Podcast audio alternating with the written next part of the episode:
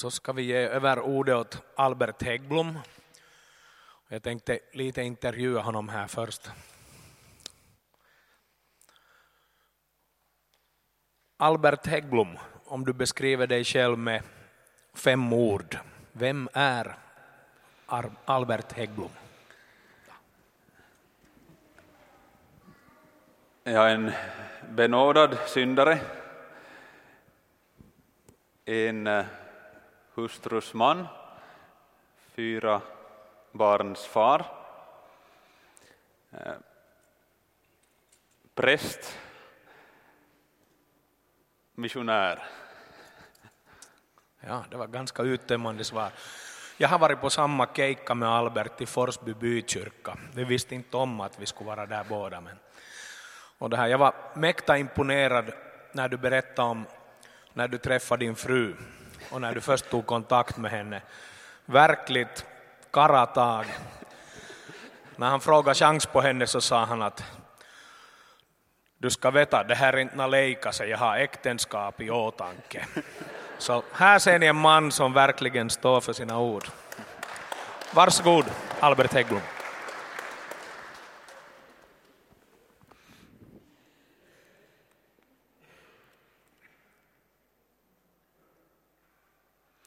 Du har bra minne. Det var ett ungdomstillfälle i Forsby. Ja.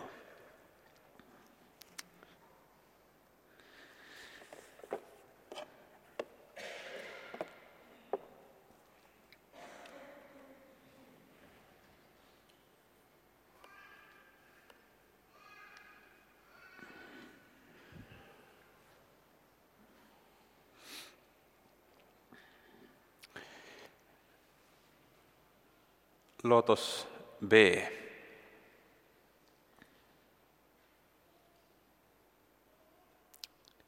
Himmelske Far,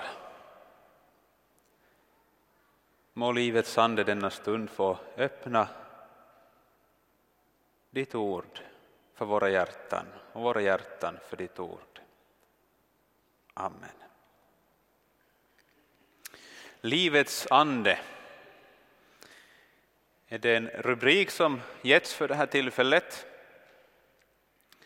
Och eh, jag vill börja med att eh, lyfta fram alldeles kort någonting om, om eh, anden som en person i treenigheten. Det här utvecklade jag mera för ett par år sedan här på kyrkhelgen i ett bibelstudium. I femte Mosebok läser vi en tillflykt är han, urtidens Gud. Och här nere råder hans eviga armar. När eh, Jesus får frågan, som vi fick höra redan igår kväll från Johannes 14, låt oss se Fadern, så svarar han med att tala om sig själv. Den som har sett mig har sett Fadern. Och så övergår han till att tala om den helige Ande. Gud Fadern, han har utfört två sändningar till vår värld. Den första sändningen, Faderns ena arm, är sonen Jesus som han sände ner till jorden, född av jungfru Maria. Han blev en, en av oss, som en av oss, men utan synd. Och genom honom försonade Gud världen med sig. Och Faderns andra arm, Anden, som han utgjöt på pingstdagen. Och eh, med dessa sina båda armar samlar Gud oss. I sin stora kärlek omsluter han oss i sina armar genom Sonens och Andens verk. Och när vi talar om anden så får vi komma ihåg att där anden är, där är också Fadern och Sonen. Där Sonen är, där är också Fadern och Anden. Ja, där Fadern är, där är också Sonen och Anden. Alltid i skriften så behöver det inte uttryckligen stå att det är Anden som verkar, även fast han finns där och verkar. Alltid behövde det inte stå att Fadern är med, fast Fadern i själva verket är med. För treenigheten är en. En Gud. Och det är någonting att komma ihåg. Anden finns med och skapar universum, skapar världen, uppehåller världen i, som vi tror i den första trosartikeln. Anden är med i andra trosartikeln med Jesus under hela hans liv på jorden, under hans död och uppståndelse. Andra trosartikeln och anden är också, som vi numera ska tala om utifrån den tredje trosartikeln, om anden och andens verk. Och jag vill utgå från Romarbrevets åttonde kapitel, ett antal verser från början. Det är det kapitel i Nya testamentet som eh, är det mest centrala då det gäller den helige Ande. Och där återfinns också uttrycket livets ande. Och det är Romarbrevet 8 från början. Så finns nu ingen fördömelse för dem som är i Kristus Jesus. Ty livets andes lag har i Kristus Jesus gjort mig fri från syndens och dödens lag. Det som var omöjligt för lagen, svag som den var genom den syndiga naturen, det gjorde Gud genom att sända sin egen son som syndoffer. Han som till det yttre var lik en syndig människa, och i hans kropp fördömde Gud synden. Så skulle lagens krav uppfyllas i oss som inte lever efter köttet utan efter anden. De som lever efter sin kötsliga natur tänker på det som hör till köttet. Men de som lever efter anden tänker på det som hör till anden. Köttets sinne är död, men andens sinne är liv och frid. Köttets sinne är fiendskap mot Gud, det underordnar sig inte Guds lag och kan det inte heller. Det som följer sin syndiga natur kan inte behaga Gud. Ni däremot lever inte efter köttet utan efter anden, eftersom Guds ande bor i er. Den som inte har Kristi ande tillhör inte honom. Men om Kristus bor i er är visserligen kroppen död för syndens skull, men anden är liv för rättfärdighetens skull. Och om hans ande som uppväckte Jesus från de döda bor i er, då skall han som uppväckte Kristus från de döda göra också era dödliga kroppar levande genom sin ande som bor i er. Vi har alltså skyldigheter bröder, men inte mot vår onda natur, så att vi skulle leva efter köttet. Om ni lever efter köttet kommer ni att dö, men om ni genom anden dödar kroppens gärningar skall ni leva. Ty alla som drivs av Guds ande är Guds söner. Ni har inte fått slaveriets ande så att ni på nytt skulle leva i fruktan. Nej, ni har fått barnaskapets ande i vilken vi ropar Abba, Fader. Anden själv vittnar med vår ande att vi är Guds barn. Men är vi barn är vi också arvingar, Guds arvingar och Kristi medarvingar, lika visst som vi lider med honom för att också bli förhärligade med honom. Och eh, ni kan i ett annat tillfälle fortsätta läsa om anden i detta Romarbrevets åttonde kapitel. Och jag vill lyfta fram tre saker, eller ämnesområden utifrån den här, de här verserna. Nämligen det första att livets ande ger oss liv i Kristus. Och det andra att livets ande kallar oss att leva efter anden. För det tredje att livets ande ger frälsningsvisshet och evighetshopp. Livets andes lag har i Kristus Jesus gjort mig fri från syndens och dödens lag.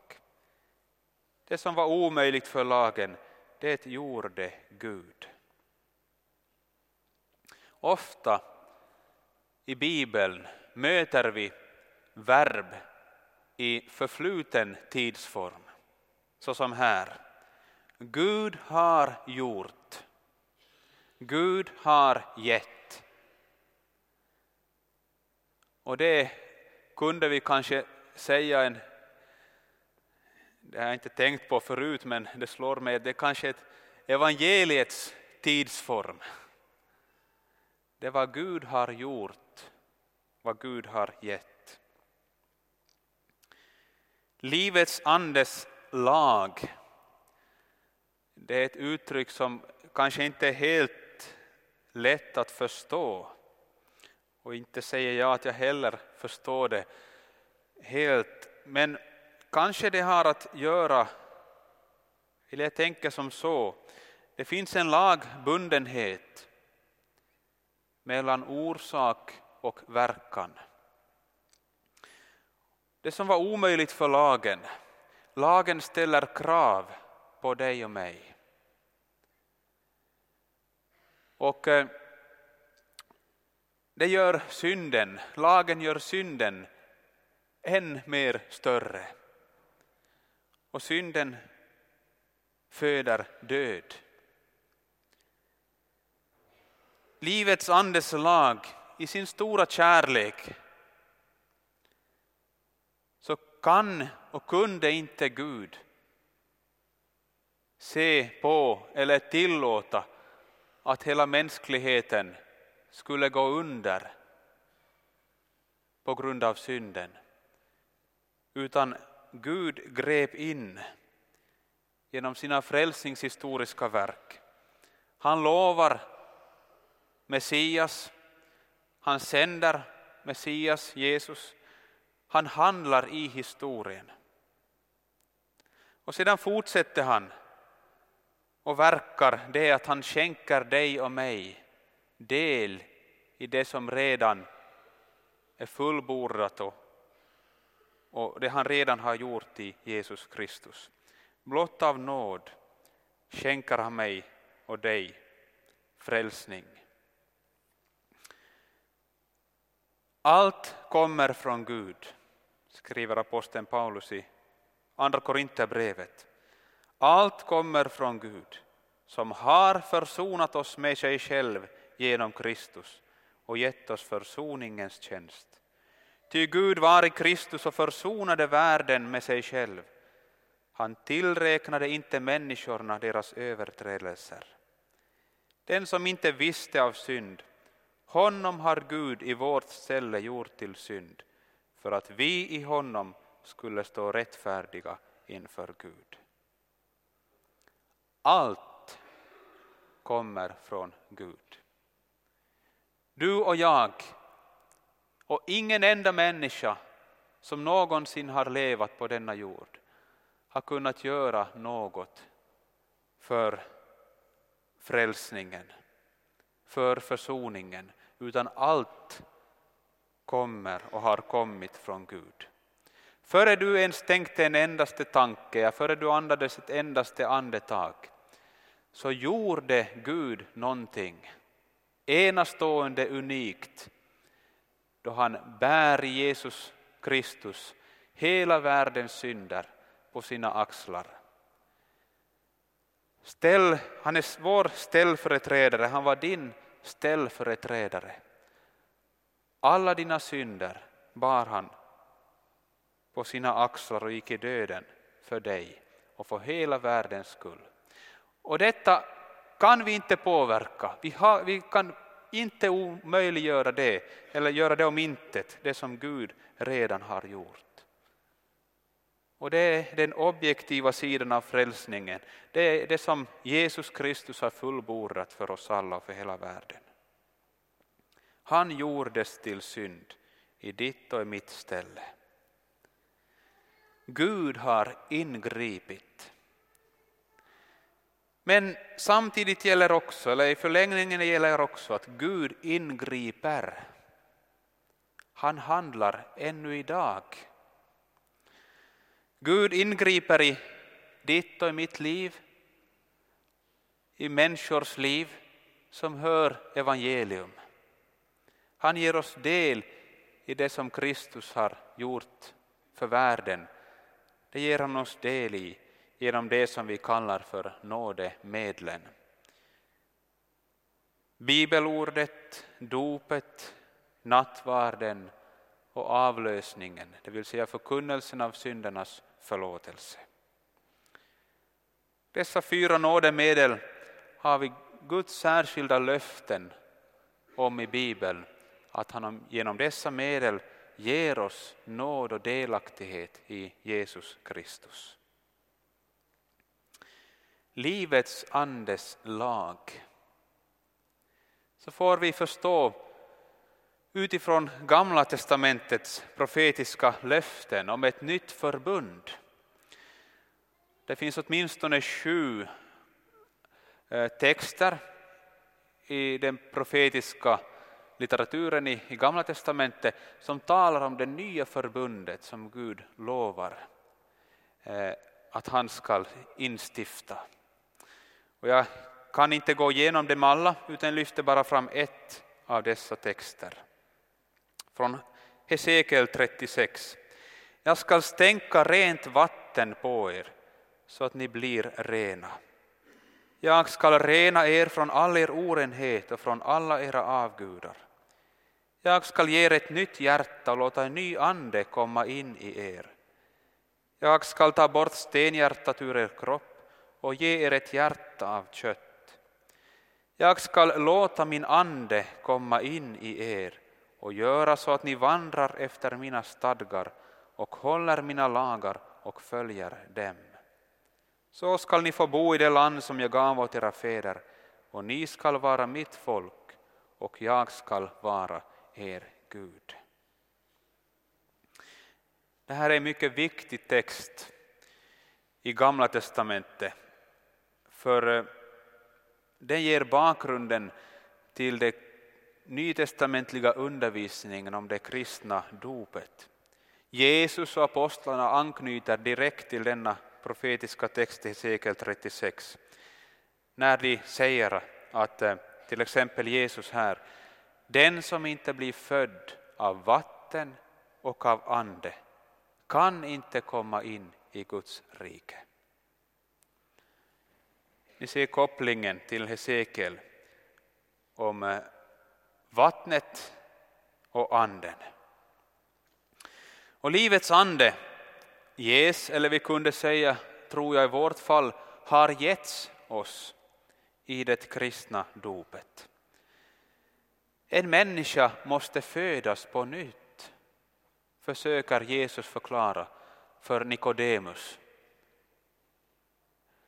Och eh, Jesus definierar aldrig en människa i vilken ålder. Alla människor, inklusive små bebisar som föds till den här jorden, behöver födas på nytt för att komma in i Guds rike.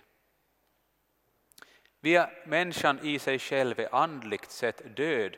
Hur mycket vi än sprattlar och gör väsen av oss så är vi döda i andligt hänseende. Och vi behöver födas på nytt genom dopets vatten och livets ande för att födas som Guds barn. Om någon törstar som kom till mig och drick den som tror på mig, ur hans innersta skall strömmar av levande vatten flyta fram, som skriften säger. Detta sade han om anden som de skulle få som trodde på honom. Gå därför ut och gör alla folk till mina lärjungar, döp dem i Faderns och Sonens och den helige Andes namn. Petrus på pingstdagen då anden blir utgjuten efter i enlighet med de profetiska löftena och i enlighet med Jesu löfte så blir folket väckta av den helige Ande och frågar vad ska vi göra?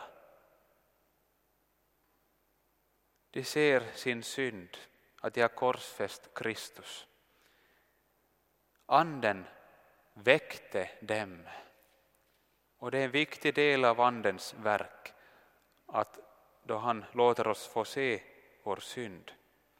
Och så svarar Petrus, omvänd er och låt er alla döpas i Jesu Kristi namn så att era synder blir förlåtna. Då skall ni få den helige Ande som gåva. Ty er gäller löftet och era barn och alla dem som är långt borta, så många som Herren vår Gud kallar. Löftet om Anden i vattendopet gäller alla utan begränsning, så långt borta och så många genom alla tider som Gud kallar. Och han vittnar och uppmanar, låt er frälsas från detta bortvända släkte. De som då tog emot hans ord döptes och så ökade antalet lärjungar den dagen med omkring 3000. Det kristna dopet ger oss syndernas förlåtelse, anden som gåva, frälsning från detta bortvända släkte och gör oss till Kristi lärjungar och eh, till medlemmar i hans världsvida kyrka. Men när Guds, vår frälsares godhet och kärlek till människorna uppenbarades, skriver Paulus, frälste han oss, inte för rättfärdiga gärningar som vi hade gjort, utan på grund av sin barmhärtighet. Genom ett bad till ny födelse och förnyelse i den helige Ande som han rikligt utgöt över oss genom Jesus Kristus, vår frälsare. Detta skedde för att vi skulle stå rättfärdiga genom hans nåd och som vårt hopp är bli arvingar till det eviga livet. Detta är ett ord att lita på. Jag skrev en gång när jag studerade teologi vid akademin flera uppsatser kring den här, de här verserna. Och jag blev övertygad om, både utifrån en, en biblisk analys och kyrkohistorisk analys och dogmatisk analys, att eh, det är det kristna vattendopet och genom det som Gud frälste, frälser oss och utgjut, utgjuter sin ande över oss till ny födelse och till att vara rättfärdiga inför Gud. I Korinthierbrevets sjätte kapitel, sådana var en del av er, men ni har tvättats rena. Ni har blivit helgade. Ni har förklarats rättfärdiga i Herren Jesu Kristi namn och i vår Guds ande. Hesekiel 36 ser man här i, bakom denna vers hur vi i dopet har tvättats ren från våra synder och vi har fått Guds ande och vi har blivit helgade, avskilda, urtagna ur den här världen för att vara Guds barn, tillhöra honom och himmelrikets, vara himmelrikets medborgare. I första Korinther 12, i en ande har vi alla blivit döpta för att höra till en kropp, vare sig vi judar eller greker, slavar eller fria. Och alla har vi fått en och samma ande utgjuten över oss. I förbigående sagt så finns det sju ställen i, i Nya testamentet som talar om dop i den helige Ande. Fem gånger av dem så är det löftesord Johannes döpte med vatten men Jesus ska döpa helig ande och eld. Och eh, här har vi en av dem, en av de två som, som talar om andedop i, i, i det här samman, samband med vattendopet där vi blir kristna och, och, och döps in till Kristi kropp. I Apostlagärningarna ser vi många exempel på hur anden gavs i det kristna dopet.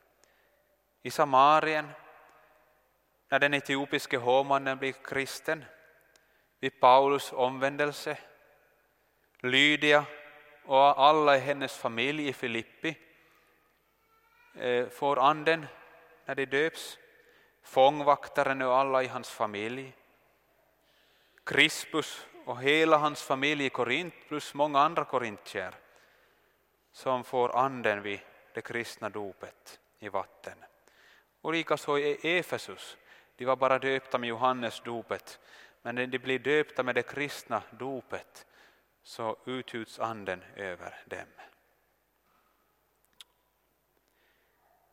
Andes ges inte bara i det kristna dopet utan också i och genom ordet. Jesus säger i Johannes 6, det är anden som ger liv. Köttet är inte till någon nytta. Det ord som jag har talat till er är ande och liv. Och vidare i det tidigare kapitlet, Johannes 5. Amen, amen säger jag er, den som hör mitt ord och tror på honom som har sänt mig, han har evigt liv och kommer inte under domen utan har övergått från döden till livet. Amen, amen säger jag er, den stund kommer, ja den är nu inne, när de döda skall höra Guds sons röst och de som hör den skall få liv. Genom ordet, Kristi ord, Guds ord, så ges anden till oss. Och här alltså är det inte bara det som har skett, utan det sker i nuet när vi tar del av Guds ord, av Kristi ord, av Bibelns ord i förkunnelse eller i, i eget bibelstudium. Paulus aposteln skriver, alltså kommer tron av predikan och predikan i kraft av Kristi ord. Och tron kan vi inte få utan att anden väcker tron. Så här är ett typexempel på hur anden, att han verkar fast det inte uttryckligen står det just i den här versen. Vi förstår att, att när där Kristi ord predikas, där verkar anden, tron. Efesier 1. I honom har också ni, sedan ni hört det sanna budskapet, evangeliet om er frälsning, ja, i honom har också ni, sedan ni kommit till tro, tagit emot den utlovade helige Ande som ett sigill. Anden ges alltså genom ordet och det ska jag ännu visa på lite senare. Vi ser också i Apostlagärningarna många exempel på att anden gavs genom bibelordet. Till exempel på pingstdagen där Petrus predikar så väcker anden syndakännedom och tro. I Cornelius hus, då evangelium kommer första gången till hedningarna, och det har ju sin förhistoria, och Petrus predikar, och medan han ännu talade föll den helige Ande över alla som hörde ordet. Och senare i det elfte kapitlet när Petrus blir tvungen att försvara sig inför de andra apostlarna, försvara sig för att han gått in i ett hedning, hedna hem, så säger Petrus att anden föll över dem alldeles som över oss under den första tiden. Det var någonting unikt som skedde här. Men det skedde när de hörde ordet. Lydia Filippi fick anden genom den förkunnelse som hon fick lyssna. Så var det i Thessalonika. I Berea så forskar man dagligen i skrifterna och man blev fylld av ande och blev överbevisad om att apostlarnas förkunnelse den var sann. På Aeropagen i Grekland där Paulus predikade och talade, vittnade om Kristus, så kom några till tro. Anden gavs genom bibelordet och genom förkunnelsen. Andens svärd är Guds ord. Det tredje nådemedlet som jag lyfter fram är nattvarden. Den som äter mitt kött och dricker mitt blod säger Jesus, har evigt liv och jag skall låta honom uppstå på den yttersta dagen. Den som äter mitt kött och dricker mitt blod förblir i mig och jag i honom. Mycket djupa och innehållsrika ord. Då vi möter, smakar brödet och vinet så är det Kristus vi möter och han ger oss liv, evigt liv. Ja, vi har evigt liv när vi äter nattvardens bröd och vin, Kristi kropp och blod. Och han förblir i mig och jag i honom. Aposteln Paulus undervisar välsignelsens bägare som vi välsignar. Är den inte gemenskap med Kristi blod? Brödet som vi bryter, är det inte gemenskap med Kristi kropp? Eftersom det är ett bröd är vi som är många en kropp, ty alla får vi vår del av detta enda bröd. Inte heller här nämns uttryckligen anden, den helige ande. Men vi förstår att utan Guds ande vore inte detta möjligt. Det är Guds ande som verkar i nattvardens sakrament, förenar oss med Kristus så att han förblir i mig och jag i honom. Och i avlösningens evangelium får vi också Guds ande som uppstånden bakom stängda dörrar där lärjungarna är så kommer Jesus och säger frid vare med er. Som Fadern har sänt mig sänder jag er. Sedan han sagt detta andades han på dem och sade tag emot den helige Ande.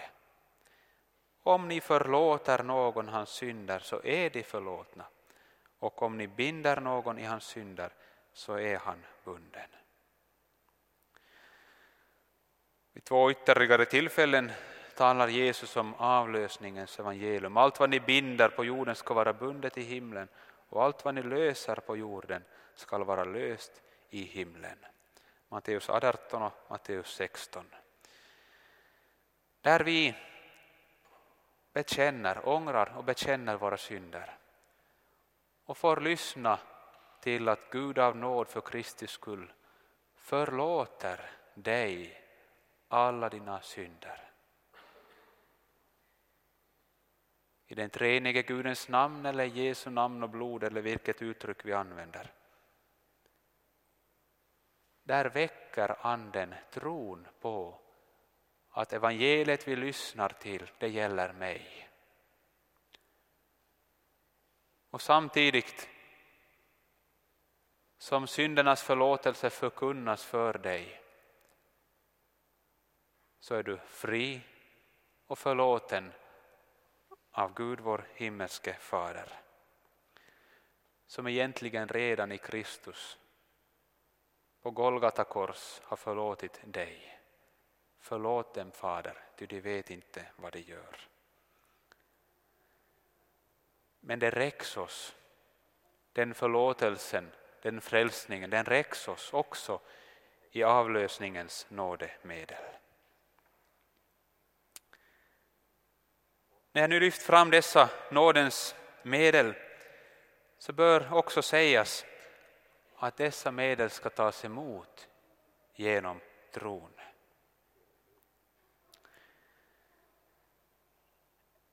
Det är inte alltid en självklarhet. För vi människor, vi på något sätt har det inbyggt i oss att vi skulle behöva förtjäna Eh, sträva efter på ett sätt att, att vi gör oss dugliga eller, eller förtjänta av, av Guds nåd, Guds ande. Och den vägen ser vi i Nya testamentet att många gärna började gå. Så var det också i Galatien. Och Paulus får ta i och säga, ni dåraktiga galater, vem har förhäxat er? Ni som har fått Jesus Kristus framställd för era ögon som korsfäst. Endast det vill jag veta. Tog ni emot anden genom att hålla lagen eller genom att lyssna i tro? Är ni så dåraktiga, ni som började i anden, skall ni nu sluta i köttet? Har ni lidit så mycket förgäves, ja, helt förgäves? Han som ger er anden och gör underverk bland er, gör han det för att ni håller lagen eller för att ni lyssnar i tro, liksom Abraham? Här ser vi både, båda sidorna av det mynt, alltså att, att anden både har getts och att anden ges. Det är någonting som har hänt och det är någonting som sker om och om igen. Och i bägge, i bägge uttrycken så har vi att lyssna i tro. Anden ges aldrig efter förtjänst eller som ett pris eller på grund av våra meriter, utan anden är alltid en gåva som vi får oförtjänt. Anden ges alltid som ett evangelium, som ett löfte utifrån ett löfte, utifrån evangelium. Det är en gåva som vi får ta emot genom tron. Och det gäller också just nådens medel. Dopet behöver, till dopet behöver också tron finnas. Att vi lever, förtröstar på, på Guds nåd och förlåtelsen i Kristus. Nattvarden får vi ta emot i tro att det är Kristi kropp vi tar emot. Avlösningens evangelium likaså. Och ordet som vi läser eller lyssnar till får vi tro och då verkar Guds ande. Och det är ju Guds ande som också verkar själva tron. Alltså, det första jag lyfter fram och har gett mera tid än jag ska ge i det andra, det är just det att Gud, livets ande eh, ger oss liv i Kristus. Det andra då är att livets ande kallar oss att leva i eller efter anden. Bägge uttrycken används i Nya testamentet. Kristendomen är inte så mycket en lära. Jo, det är nog mycket också en lära. Vi finner omkring 30 gånger i Nya testamentet där, där det talas om, om läran. Och den är viktig. Men minst lika ofta talas det om ett liv som livets ande kallar oss att leva. Det är både lära och liv. I kyrkohistorien, kanske i våra egna liv också, så har det ibland tenderat att kantra mer åt antingen dera hållet. Ibland har livet inte varit så viktigt utan mera läran och ibland har läran inte alls varit viktig utan det är bara livet. Men det är bägge dera som vi ska ha med oss. En Herrens ängel säger till Petrus och Johannes, gå och ställ er i templet och förkunna för folket allt som hör till detta liv. Och Paulus visste att han var sänd att predika löftet om liv i Kristus Jesus. Vi går tillbaka till Romarbrevet 8 som tar mycket om detta liv som livets ande kallar oss att leva. De som lever efter sin kötsliga natur tänker på det som hör till köttet, men de som lever efter anden tänker på det som hör till anden. Köttets sinne är död, men andens sinne är liv och frid. Ni däremot lever inte efter köttet utan efter anden, eftersom Guds ande bor i er. Och så vidare. Att leva efter anden, det handlar om att leva i kamp. Bland annat handlar det om att leva i kamp mot köttet. Och det är ett uttryck som Paulus tidigare har förklarat i det sjunde kapitlet, kapitlet innan, detta kapitel. Och det är ett uttryck som Guds ande förklarade åt mig då jag som ungdom växte upp här i denna församling. Fick del av nådemedlen i gudstjänstlivet och där hemma i min kammare där jag stängde dörren om mig när jag kom från skolan och läste Bibeln och bad. Och mitt i vardagen i en åtta personers familj så växte synden för mina andliga ögon.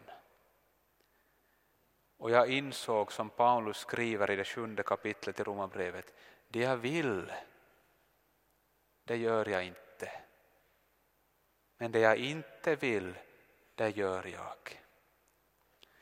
Och jag kan så väl, jag kommer aldrig att glömma tror jag, den dag då Guds ande, livets ande, liksom kastade strålkastarljuset på Romarbrevet 7 kapitel, vers 18. Jag vet, ty jag vet att i mitt kött bor inget gott. Jag har viljan att göra det goda, men jag förmår det inte.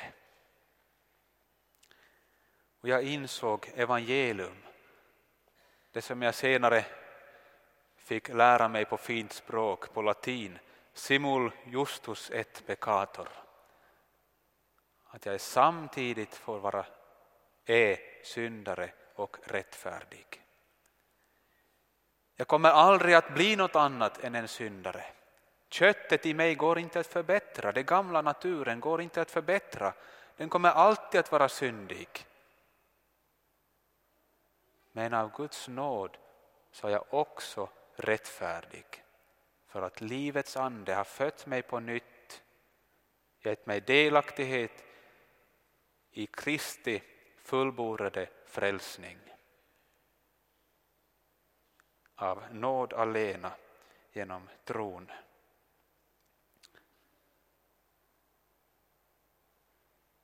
Vad jag vill säga är detta, vandra i anden så kommer ni inte att göra vad köttet begär.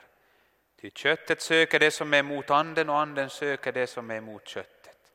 De två strider mot varandra. Och det var det här som jag upplevde så ofta och upplever förstås ännu idag.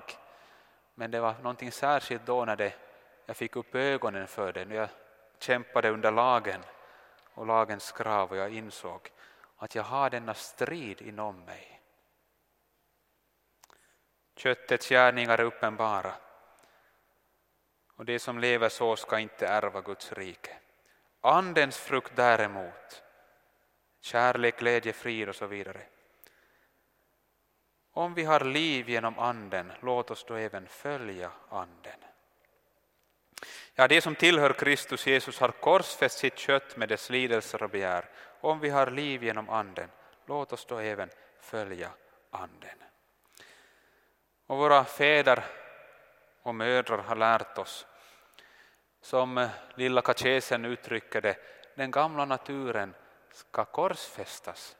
Det har blivit korsfäst med Kristus i det kristna dopet, jag döps till Kristi död, till Kristi uppståndelse. Men varje dag ska jag på nytt med Guds andes, livets andes hjälp korsfästa, hålla före att jag har dött och lever för Gud i Kristus Jesus. Och det har följder för vår vardag. Ger vi anden näring, vår, vår inre människa näring, eller ger vi köttet näring? Vad är det vi ser på i tv? Vilka sidor är vi på på, på internet? Vad, hur prioriterar vi våra liv? Hur mycket tid får ordet, gudstjänsten i våra liv?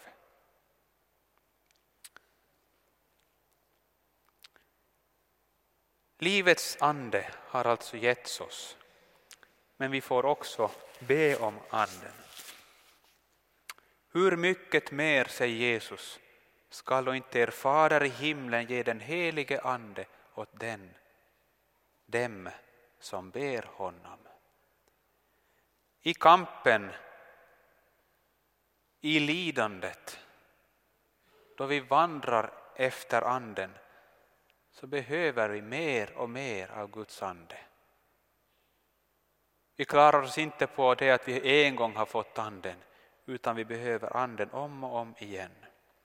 Vi har också uttryck som låt er uppfyllas av anden. Berusa er inte av vin, sådant leder till ett liv i laster.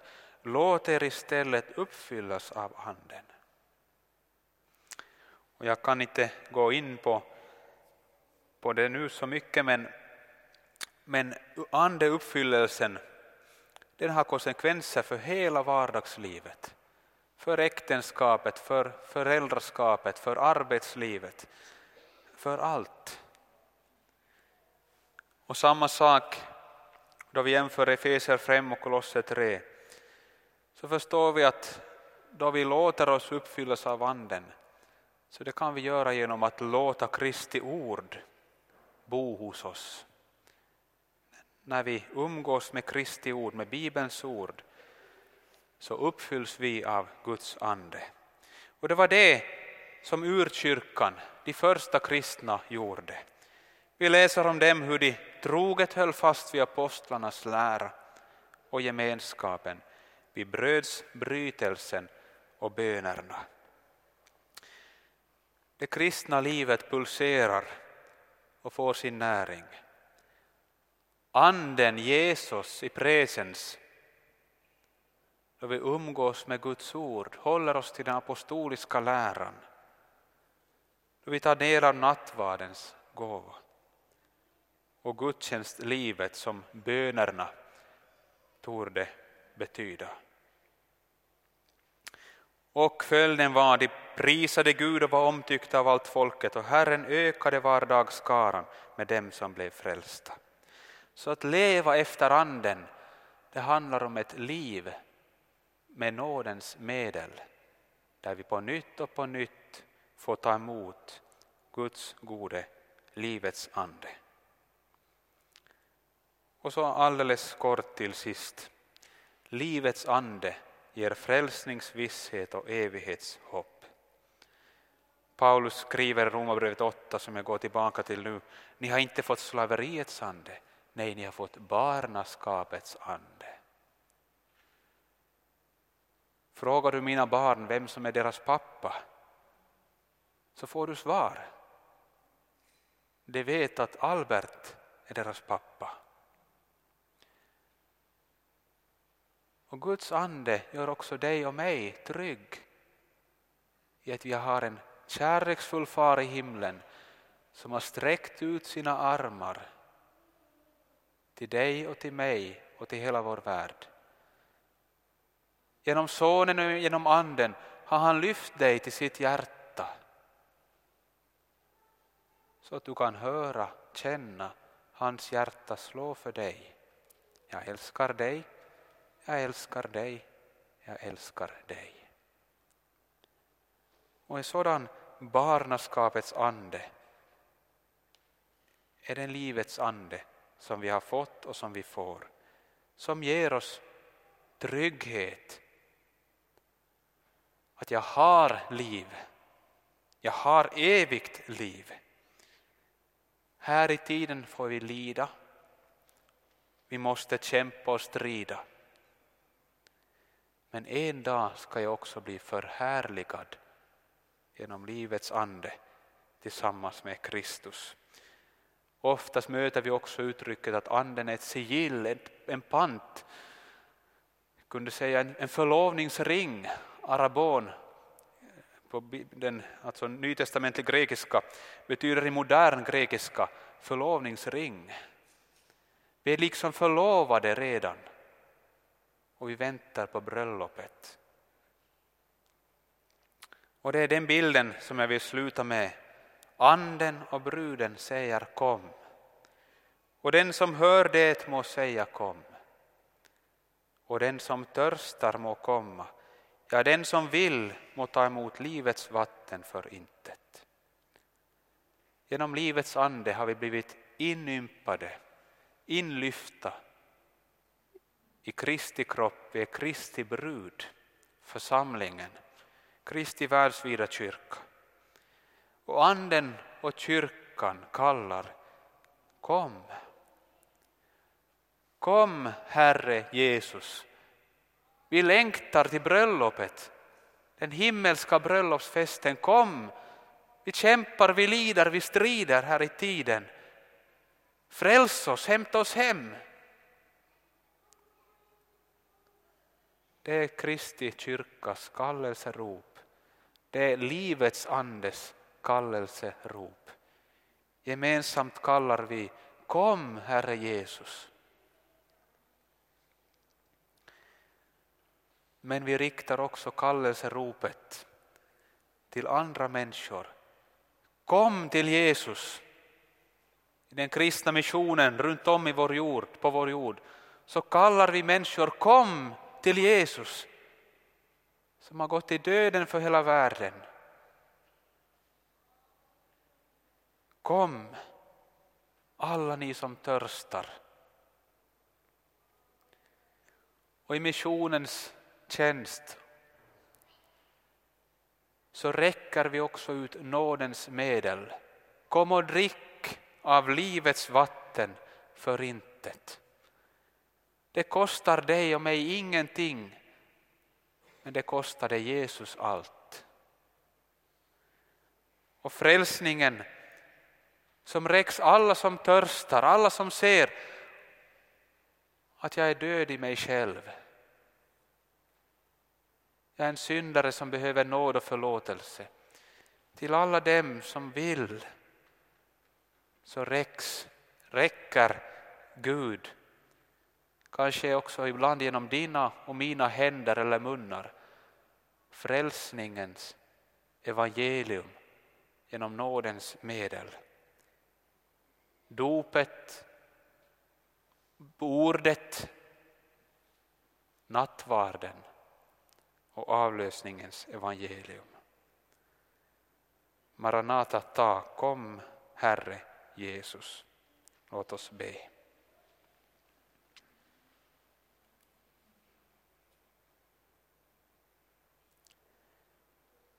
Vi prisar och tackar dig, livets ande, för att du förhärligar Kristus för oss, för att du har gett oss liv i Kristus och för att du en dag ska låta oss få gå in i härligheten. Amen.